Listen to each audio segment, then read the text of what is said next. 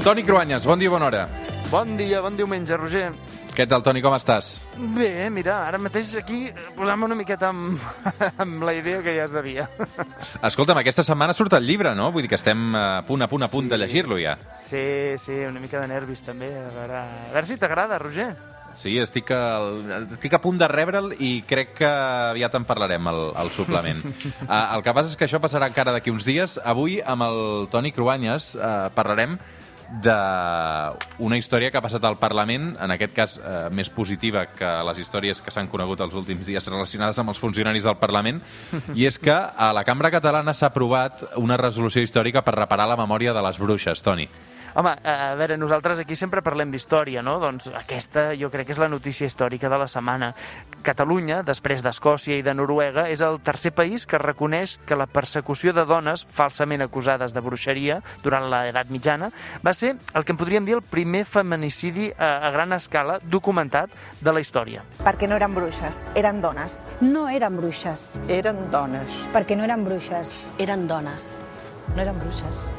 Eren dones. Una campanya de la revista Sapiens, que TV3 també s'hi va sumar amb aquest documental fantàstic del Sense Ficció que vam veure dimarts passat, un documental que denuncia la violència contra les dones al llarg de la història.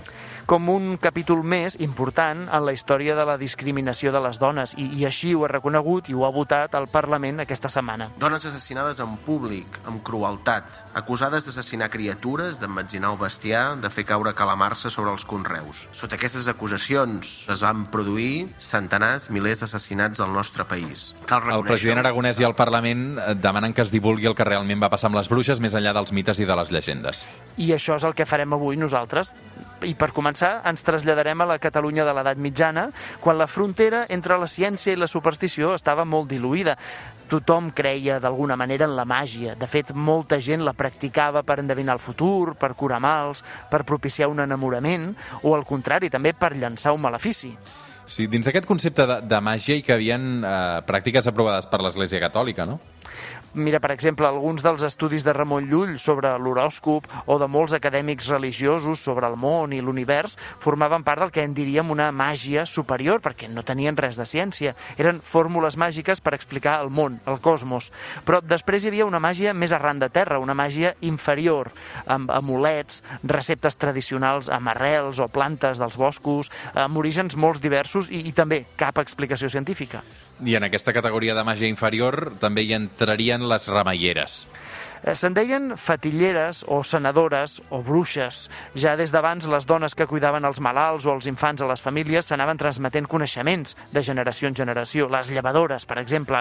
Però també algunes dones tenien un paper més destacat en la medicina.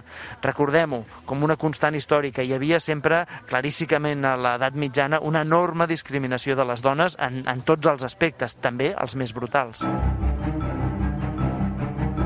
I de cop una modificació teològica va empitjorar les coses per a aquestes dones eh, considerades bruixes. Tradicionalment, l'Església havia cregut que tot el que hi havia a la Terra era obra de Déu i, per tant, que quan passaven coses dolentes, com una tempesta o quan moria algú estimat, era Déu qui ens castigava pels nostres pecats. Aquesta idea religiosa bàsica feia que la gent pensés que les fatilleres no feien cap mal o, en el pitjor dels, massos, eh, en el pitjor dels casos, que eren supersticioses o que tot el que feien era, eren il·lusions. Fins fins al segle XV. Aleshores, fins llavors, les sentències judicials contra les suposades bruixes havien sigut molt benignes. El que passa és que les coses van canviar, Toni. Sant Tomàs d'Aquino, que tindria molta influència després en l'Església de la Baixa Edat Mitjana, va teoritzar que el diable tenia capacitat d'actuar a la Terra. O sigui, que no tot el que ens passava venia determinat per Déu, sinó també pel dimoni que lluitava contra el bé. L'Església va comprar aquesta idea fins al punt que el papa Joan XXII va condemnar la bruixeria com una forma de culte al dimoni i va ordenar que se les perseguís. Clar, això va significar un canvi importantíssim per la percepció que existia sobre les remeieres, les dones que practicaven algun tipus de medicina bàsica. De cop, a ulls de l'Església, les bruixes van passar a formar part d'una secta mundial presidida pel diable que tenia com a objectiu atacar els cristians i la bona gent.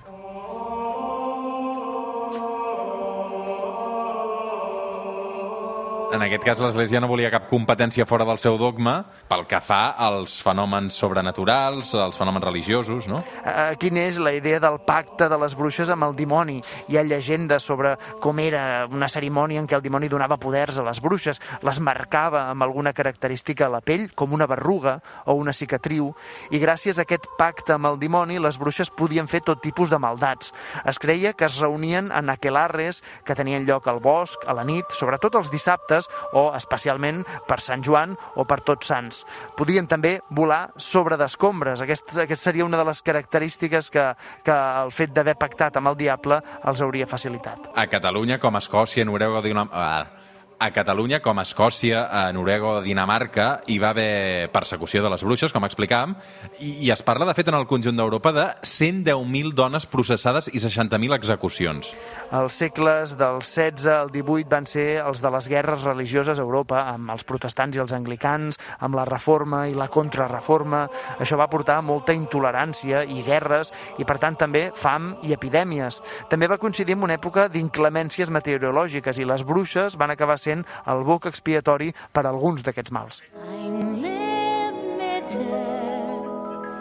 And just look at you, you can do all I. Avui arribarem a les 9 del matí amb la música del musical Wicked, dedicat a, les, eh, a la bruixa dolenta del conte del Màgic 2. Toni. Mm.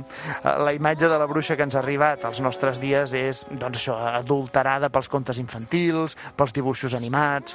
Eh, Per això és important ara parlar de la realitat del que va significar la cacera de bruixes, fora de romanticismes o d'adulcoracions.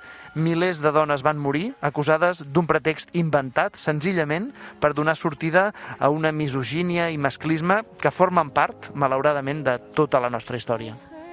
Toni Cruanyes, una abraçada, bon diumenge. Bon diumenge.